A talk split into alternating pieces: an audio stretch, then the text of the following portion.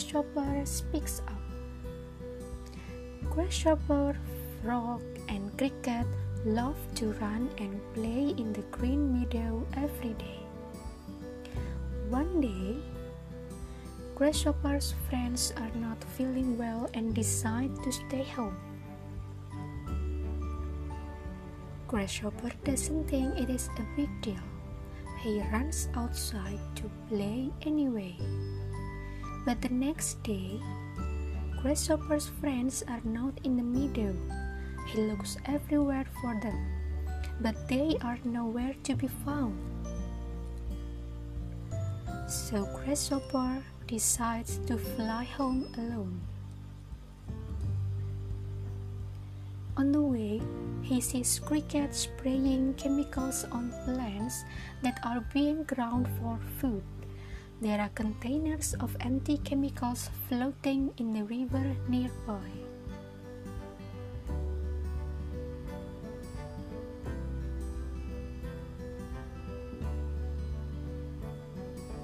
Grasshopper thinks about stopping to greet his friend, but he is still upset that Cricket didn't come to play, so he flies on. A few days later, Cricket stops by to see Grasshopper. Where have you been? Grasshopper asks. Why haven't you come to the meadow to play?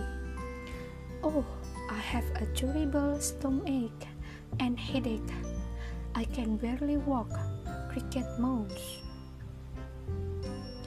Grasshopper is worried for his friend. You may have eaten something poisonous. Let's go to the doctor.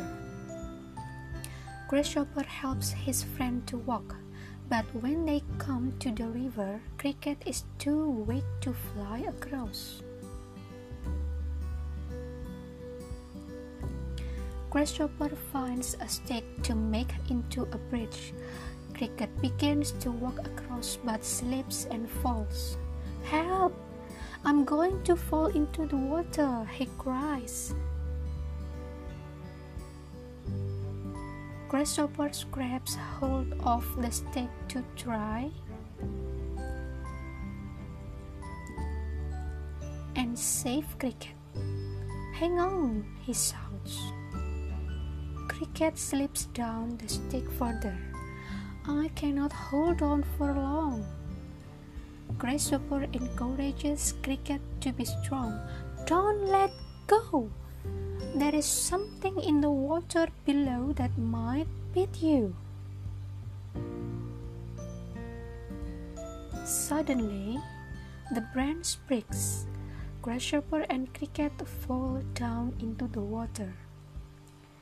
A giant frog leaps up, ready to swallow them both. Just in time, Grasshopper shouts, Stop, frog! It is us, your friends. Oh, I didn't realize it was you. I have not been able to see well lately. What are you doing here? Grasshopper and crickets crawl onto a nearby lily pad. We are going to the doctor. Cricket is very sick. Maybe I should come too, Frog says. My eyes are bothering me and my skin has a strange rash. Grasshopper thinks he knows what is going on. He decides it is time to speak up. Cricket, I am afraid the chemicals you sprayed on the plants are unhealthy for your food, and the containers that were dumped in the water have hurt frogs' eyes and skin. Cricket feels terrible for having caused so much trouble. It's okay, Cricket, Frog says with a smile. We will make it right.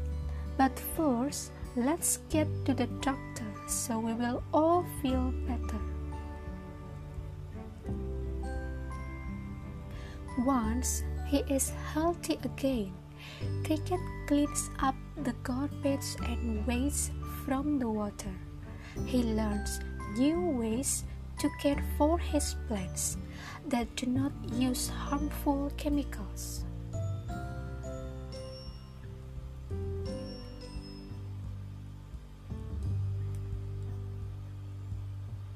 And a new day is beginning.